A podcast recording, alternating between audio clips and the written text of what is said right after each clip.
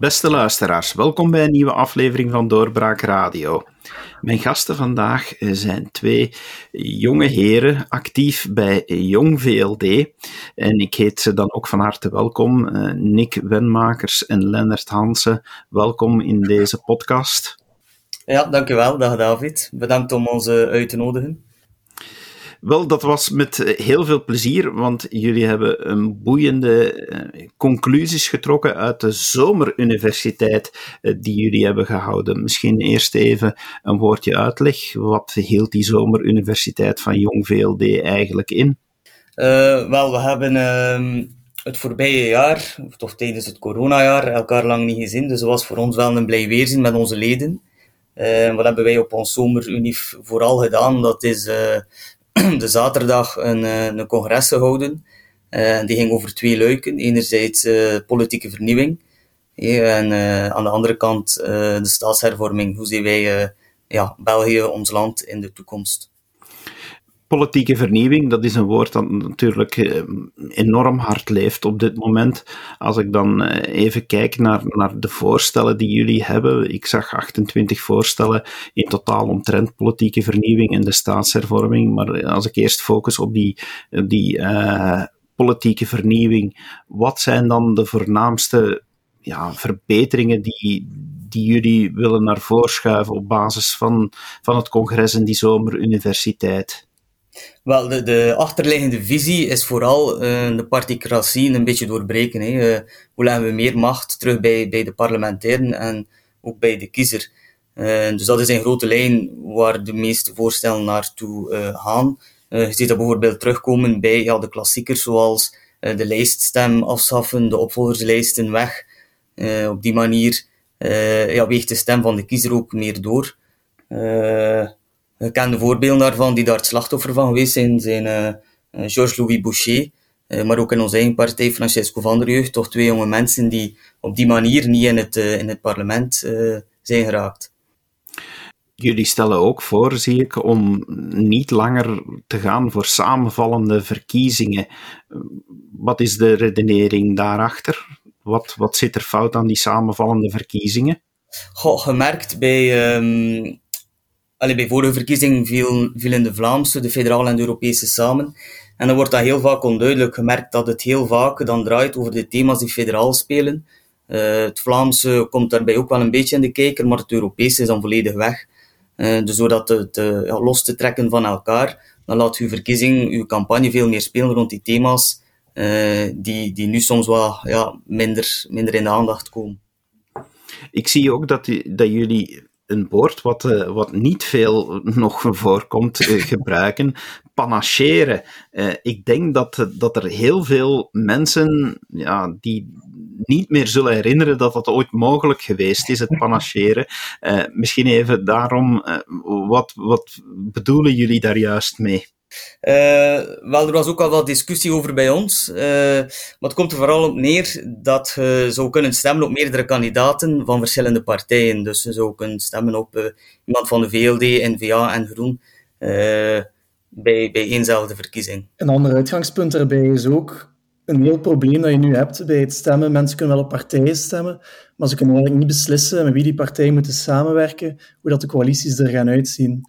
En met panacheren kan je daar eigenlijk ook iets meer invloed in hebben als kiezer. En uh, ook weer die macht van uh, de partij, van de particratie, wat verder doorbreken. Is het technisch niet heel moeilijk om dan dat nog allemaal te kunnen volgen? Want loop je niet het risico dat je dan, dat je dan eigenlijk terug in voor een stuk terechtkomt in een meervoudig stemsysteem? Want sommigen zullen maar op één persoon stemmen, anderen zullen op vijf personen stemmen. Hoe willen jullie dat dan juist technisch aanpakken? Wel, we hebben het voorstel expliciet wat opengelaten, omdat wij ook wel ja, verschillende visies daarover hebben. Uh, het, het, is ook voor ons eerder een denkoefening. Hè. Kunnen wij dat zo op die manier gaan, gaan, uh, ja, gaan uitwerken, ja of nee? Um, maar om, om nu te zeggen, wij hebben daar één, allee, technisch één voorstel voor, nee, dat hebben wij uh, niet uitgewerkt. Toch niet op die manier. Opvallend is ook dat jullie als Jong VLD toch wel heel duidelijk eh, durven zeggen dat het tijd is om minder partijdotaties toe te kennen. Ehm, ja, dat, dat, hoor je niet vaak. Partijen die zichzelf minder willen geven. Uh, is, dat, uh, is dat misschien nu net specifiek omdat jullie jongeren zijn en onafhankelijk zijn, dat jullie dat durven bepleiten? Ja, dat denk ik ook. Maar uh, wij hebben dat in het verleden ook al gedaan. De subsidies voor de jongerenpartijen zijn op die manier ook verdwenen. En daar zijn wij ook altijd met VLD voorstander van geweest. Dus ik denk dat die redenering gerust kan doorgetrokken worden naar de partijen zelf. Uh, dat is al één iets. Maar aan de andere kant bepleiten wij ook om, om meer werkingsmiddelen te geven aan de parlementairen. Zo legt u financiële kracht minder bij de partij, maar meer bij de parlementair. Die nu soms, uh, ja, het hangt ook van, van parlementslid tot parlementslid af, uh, wat ze daarmee doen. Maar bon, ja, zo wat meer, um, hoe zegt je dat? Ja, meer werkingsmiddelen hebben, om, om zichzelf beter te omringen. Het is eigenlijk een, logisch liberaal idee, want je haalt, die, je haalt het geld weg bij de, de grote partijen en stopt inderdaad meer bij de individuele parlementsleden, uh, waar het zou moeten zitten eigenlijk ook om de regering meer te controleren. Dat is op dit moment ook wel een probleem wat we ook aangeven onze congresteksten.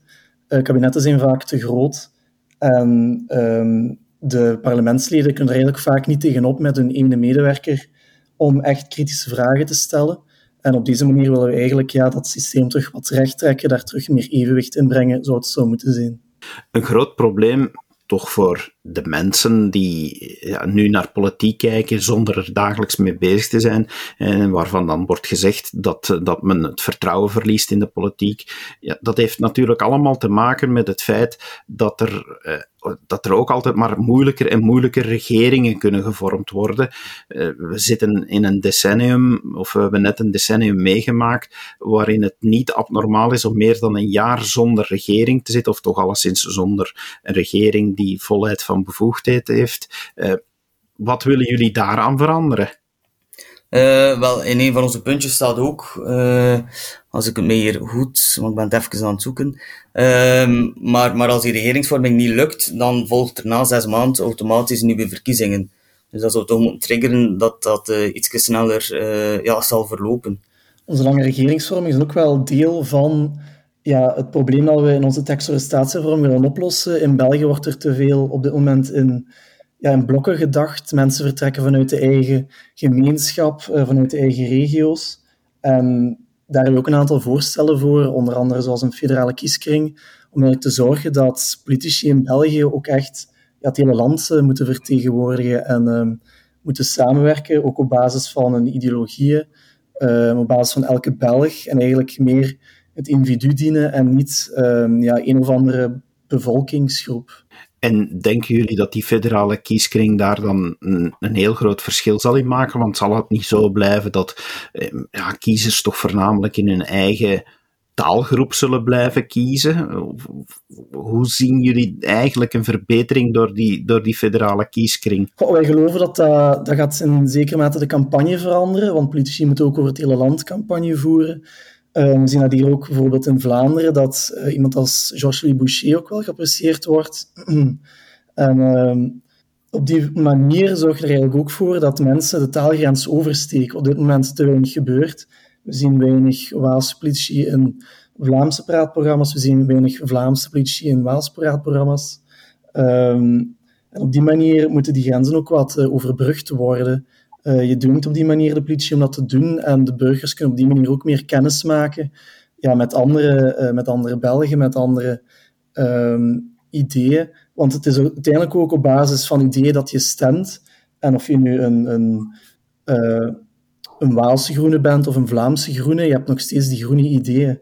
Um, in ons systeem maken we het ook mogelijk dat partijen samen opkomen in die federale kieskring. dus daar is ook de mogelijkheid tot samenwerking tussen bijvoorbeeld eh, de politieke families. En ehm, ja, op die manier denk ik wel dat dat voor een soort van mentaliteitsverandering gaat zorgen. Inderdaad, een mentaliteitsverandering, maar betekent het automatisch ook niet, als je toch kijkt naar de politieke werking erachter, dat een federale kieskring natuurlijk bevorderlijk is voor diegenen die, die effectief voor een federale staat kiezen en dat het nadelig is voor de partijen die net als thema hebben dat ze voor de eigen regio opkomen, zodanig dat die relatief verzwakt worden. Zit dat er niet voor een stuk in? Je kan je eigen regio ook perfect vertegenwoordigen en verdedigen in een federaal systeem. Dat is ook een beetje de visie achter onze, onze hele tekst, dat wij uitgaan van het individu, vanuit, de, vanuit het federalisme dat er ook aan samenhangt. Want wij denken dat federalisme eigenlijk op de beste manier um, individuen kan vertegenwoordigen, omdat je eigenlijk ruimte laat voor een meerlagige identiteit. Je kan zowel uh, Limburger zijn als Vlaming, als Belg, als Europeaan. En bij federalisme kan je het beste al die verschillende identiteiten verzoenen. Terwijl ja, in een, in een apart eenheidssysteem kan je al die identiteiten niet altijd verzoenen. Um, bijvoorbeeld ook de vertegenwoordigers van confederalisme, ze gaan eigenlijk uit vanuit de natie. Je zit ook in die blokken. Um, en je gaat altijd in dat natiedenken zitten, in dat blokdenken, um, waardoor dat je ook botst en vaak eigenlijk de belangen van je eigen regio kan tegenwerken of um, ja, niet altijd juist kan, kan uh, in de praktijk omzetten, omdat je jezelf soms onmogelijk maakt om samen te werken met anderen. Ook omdat we zeker als we mondiale problemen willen aanpakken, dat, dat kan je niet op je eilandje, dat moet je samen doen met anderen. Wat mij enorm hard opviel, en het is misschien uh, maar, uh, maar iets semantisch, maar ik denk dat er toch wel meer achter zit, dat is dat ik in de titel zie staan een staatsverbetering. Er wordt niet gesproken over de zoveelste staatshervorming, maar een staatsverbetering. Ik denk dat dat woord nou, dat dat misschien een vlag is die toch wel een bijzondere lading dekt, of niet? Ja, dat is ook omdat wij vinden dat we... België is eigenlijk sinds 1970 bijna zonder onderbreking ja, een, een werf geweest met verschillende werfleiders. Heel veel mensen hebben eraan gesleuteld. Maar er was nooit één groot plan over waar willen we met België naartoe en wat moet een federaal België eigenlijk zijn. Um, en daarmee dat wij zeggen, de eerste staatsverbetering, de eerste keer dat er echt iemand met een plan komt, dit moet het het federale België zijn, zo moet het eruit zien. En dat kan eventueel ook een soort van eindpunt zijn. En we willen ook wel eigenlijk huisjes durven doorbreken. En uh, we vinden dat er een ambitie moet zijn om terug echt die liberale principes waar België ook mee begonnen is, uh, de Belgische grondwet van 1831, wat echt een baanbrekend progressief document was uh, voor een liberale staat. Um, daar moeten wij terug echt naar die beginselen gaan naar een liberale staat die efficiënt is uh, en die op basis van lean government uh, georganiseerd is. Wil dat dan zeggen dat Jong VLD er nu voor kiest om terug te gaan herunitariseren? Uh, nee, we, we, zijn, we kiezen voor federalisme. we gaan daarbij wel structuren ontdubbelen. We willen bijvoorbeeld de gemeenschappen wel afschaffen, maar we gaan dan wel op basis van deelstaten werken. Dus het moet allemaal efficiënter worden, minder uh, verwevenheden, minder overlappingen, want dat zorgt op dit moment voor inefficiëntie, uh, de onduidelijkheid wie voor iets bevoegd is. Dus er komen wel uh, duidelijkere bevoegdheidsverdelingen, maar daar komt bovenop ook wel een duidelijkere federale staat met een, uh, een systeem van boendesrecht, landesrecht. Um, bij, bij mondiale problemen, gaan zo verschillende problemen, leggen we de bevoegdheden ook duidelijk bij het federale niveau. Dus we zorgen daar ook voor een duidelijkheid, voor een ontdubbeling, uh, voor minder staat, voor minder ministers, minder politici, om zo eigenlijk ja, naar die liberale staat te gaan.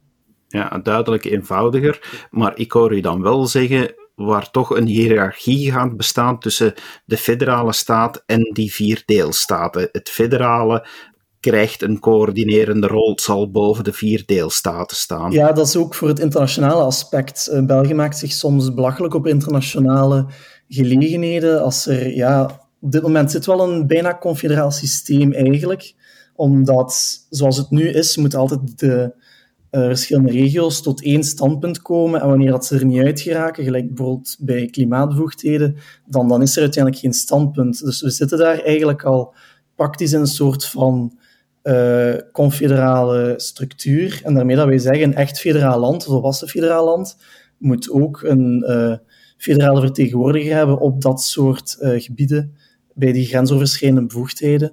Dus daar moet er inderdaad een, een, soort van scheidsrechter zijn tussen de deelstaten. En een, een volwassen federatie moet op die manier ook wel georganiseerd kunnen zijn.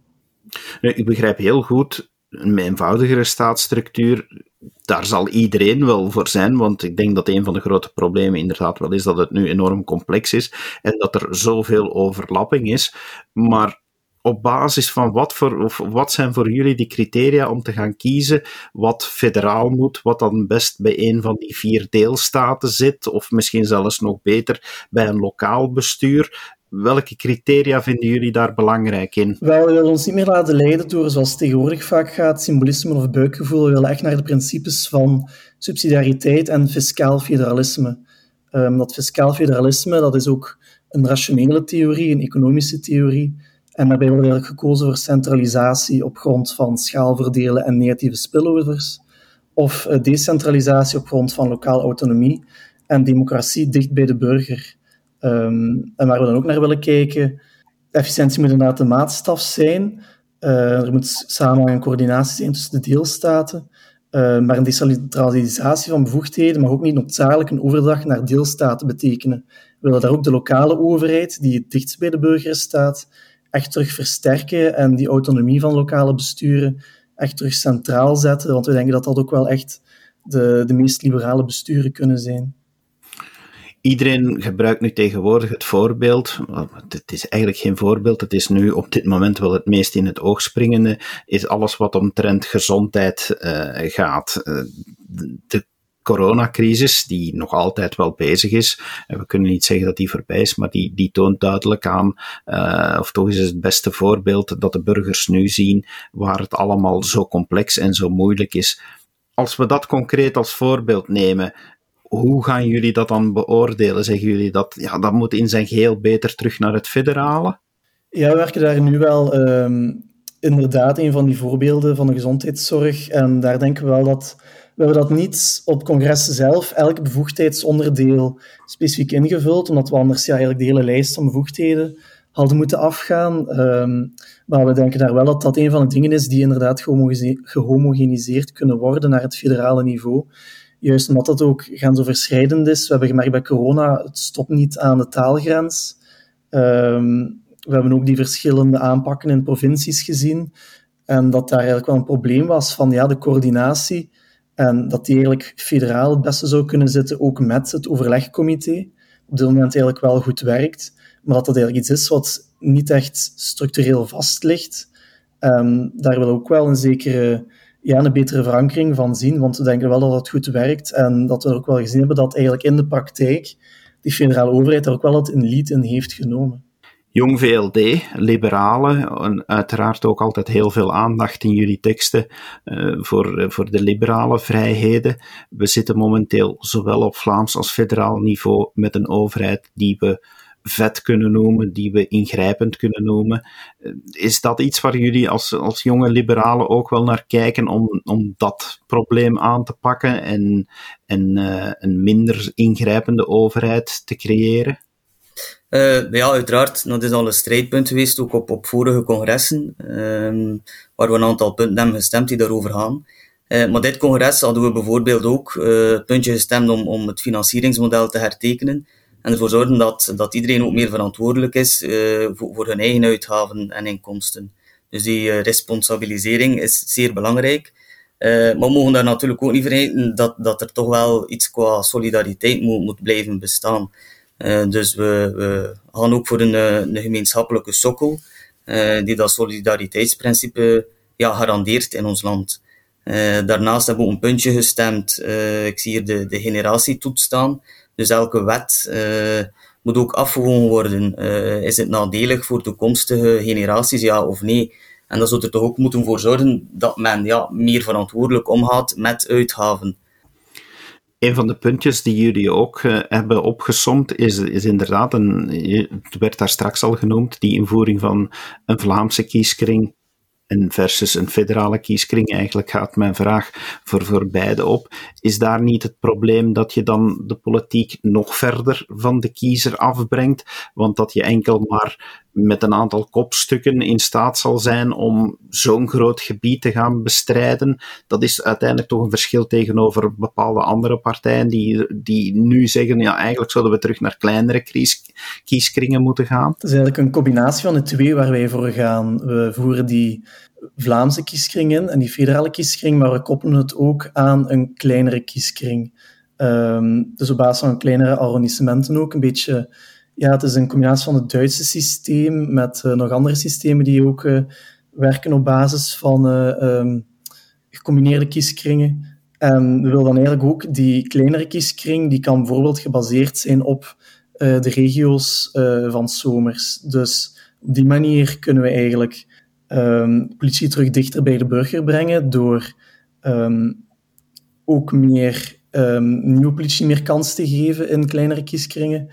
En we combineren het dan met die grotere kieskring, zodat ook de kopstukken ook meer verantwoording kunnen afleggen, zodat je ook meer keuze hebt op wie je wil kiezen. Uh, dat ook niet vervallen in provincialisme of in uh, regionalisme. Jullie vernoemden ook al het feit dat uh, jullie willen gaan voor meer fiscale autonomie voor, voor die vier deelstaten. Hoe zit het dan met de onderlinge solidariteit? Want ja, draai en keren hoe het wil. We weten dat er nu, ja, dat, dat de Waalse deelstaat, dat die het moeilijker zal hebben om op eigen poten te staan. Ja, dat is die, uh, wat Mick net ook al zei, die uh, federale sokkel die het solidariteitsprincipe garandeert, maar we gaan ook echt inzetten op die responsabilisering uh, van de eigen inkomsten. Eh, de financieringswet gaat daarbij ook wel een zekere mate aangepast worden. Um, maar iedereen gaat er dus ook meer ehm, ja, in zijn eigen deelstaat zijn eigen boontjes moeten doppen. Ehm, dus daar gaat iedereen ook wel zijn eigen verantwoordelijkheid voor hebben in dat federale systeem en hervormingen moeten doen. Dat is ook uh, wat voor ons belangrijk is als liberalen, dat er liberale hervormingen gebeuren en dat er ook um, ja, heilige huisjes durven doorbroken worden. En we denken dat op die manier, met meer fiscale autonomie, dat op die manier ook wel, ja, je dwingt iedereen er ook wel een beetje toe. En we zitten ook wel met een aantal hervormingen die we zelf voorstellen, zoals, ja, we hebben het nog niet over Brussel gehad, wat wel heel belangrijk is in het federale systeem. Brussel is een troef van België, het is de hoofdstad van Europa. Um, en daar gaan we eigenlijk ook wel in Brussel een aantal structuren fusioneren, dat dat eigenlijk één groot Brussels of stedelijk gewest wordt, met fusies van politiezones, um, fusies van alle ja, onderlinge gemeentes. Dus op die manier zorgen we ook wel voor een soort van um, staatsvermindering en efficiëntieoefening, waarbij dat ook wel de kosten automatisch dalen door onze nieuwe structuur die we voorstellen. Misschien nog als afsluiter van dit zeer interessante gesprek. Eh, u zei al heilige huisjes. Eén heilig huisje waar jullie toch ook wel een uitspraak over gedaan, of zelfs meerdere uitspraken, dat is het uh, Koningshuis. Daar, uh, daar, daar willen jullie ook wel wat aan veranderen, begrijp ik. Ja, we vinden daar natuurlijk meritocratie, dat is een heel belangrijk liberaal principe. daar hebben we altijd voor gevochten als liberalen. Um, en daarom pleiten we ook voor een vermindering van de dotaties en een gedeeltelijke afbouw van het Belgisch Koningshuis. Uh, ook daar weer efficiëntiewinst, heel belangrijk. Um, waarbij we de rol van de koning wel ceremonieel willen, um, nog ceremonieeler willen maken dan het vandaag is. ook de dotaties willen beperken. we willen eigenlijk ook dat de koning, ja, de vorst is eigenlijk geen onderdeel van de regering, zodat dat ook in wetten terug verder omzet, dat eigenlijk de ondertekening van wetten en koninklijke besluiten, dat eigenlijk overbodig wordt dat de koning daar zijn handtekening onder zet. Um, en dat regeringsleden ook formeel de eed kunnen gaan afleggen in het parlement zelf en dat niet meer voor de koning moeten doen.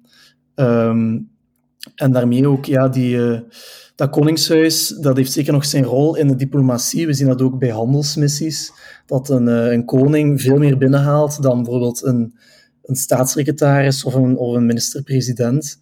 Dus hij heeft daar zeker nog wel zijn rol te spelen.